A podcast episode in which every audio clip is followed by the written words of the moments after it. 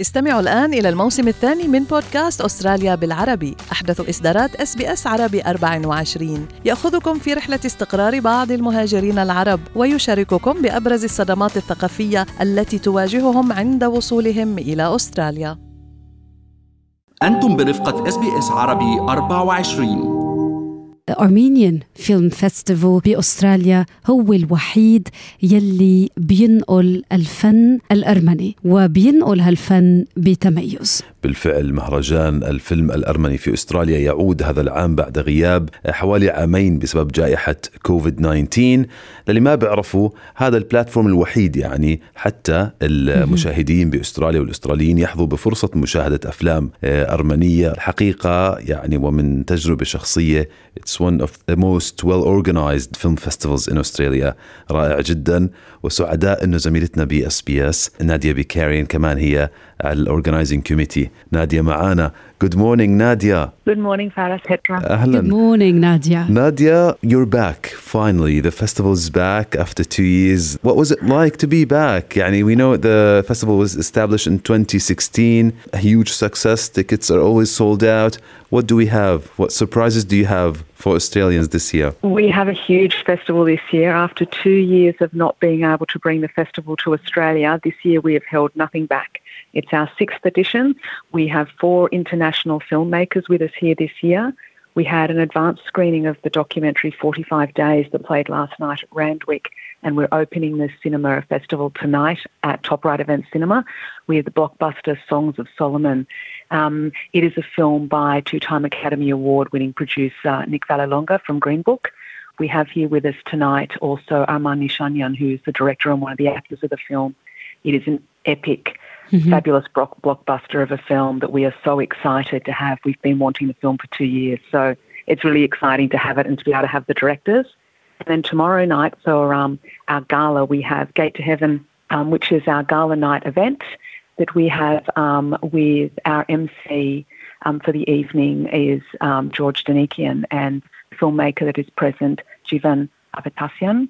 Um, both films have been eagerly anticipated by the community. Tickets are selling, selling really well. And then we have the repeat screening of 45 Days Fight for a Nation um, by documentary filmmaker Emile Ghessen on Sunday. So all three of those films, we have the directors here with us in Australia, which is very exciting. We didn't think we were going to be able to with borders being closed. Um, so it was really um, a great achievement for us to be able to get them here and to be able to showcase such a wonderful range of films to the community for Armenians and, and non-Armenians.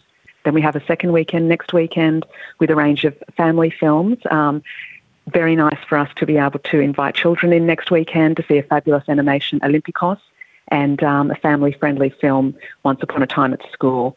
We end the festival with Saber Dance, which is the true story of Aram Uh-huh. Khachaturian, and that is going to be something really special. I, I can't recommend it enough. I, I can hear the zeal in your voice, Nadia. the uh, Armenian Fil- Film Festival Australia was previously launched in Melbourne earlier last month, and as you said, it will be launched in Sydney till uh, the 19th of this month. But can I ask you, how does filmmaking and the Armenian Film Festival document, if I may say, or preserve the Armenian culture, in particular among the Armenians in the diaspora? Yeah, sure. It's a great question.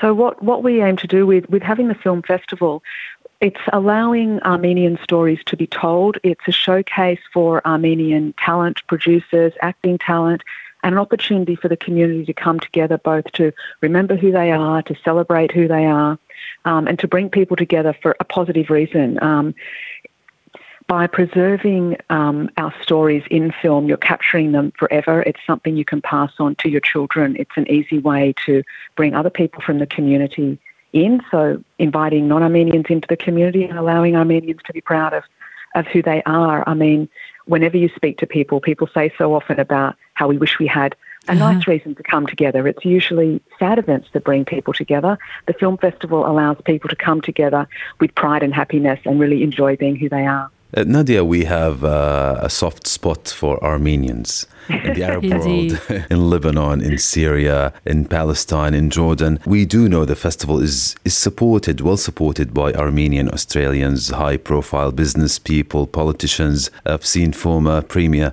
Gladys Berejiklian attending the gala night in 2018, I think, if I'm not mistaken. What do you have to tell us about the Armenian community here? I know you do have a Lebanese heritage, you're married to an Armenian.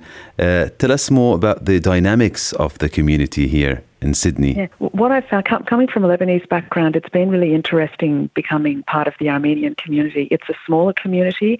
Um, I've been so impressed and touched by how close knit the community are.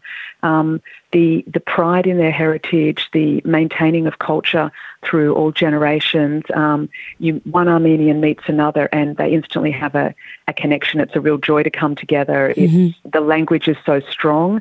Um, I find that extremely admirable um, in the community, and it's they're so welcoming. So I, to, for me as a Lebanese, to come into a community and be welcomed with such open arms and to be given such a place on the Armenian Film Festival is a real um, indication of just what a warm um, and welcoming community they actually are. Nadia, Lebanese, Armenian, Australian, you carry a lot of richness in your identity. For all our listeners interested to book a seat in this festival, how can you guide them? Um, to get tickets, the easiest way to do so is at our website, which is armenianfilmfestival.com.au. There also is tickets available at the door, but with some of these sessions, if they sell out, um, I would recommend people secure their tickets in advance so that they're not disappointed. Thank you so much, Nadia Bikarian, one of the organizing committee members for the Armenian Film Festival. Thank you. We hope to see you at the festival and thank you very much. استمعوا الآن إلى الموسم الثاني من بودكاست أستراليا بالعربي أحدث إصدارات اس بي اس عربي 24 يأخذكم في رحلة استقرار بعض المهاجرين العرب ويشارككم بأبرز الصدمات الثقافية التي تواجههم عند وصولهم إلى أستراليا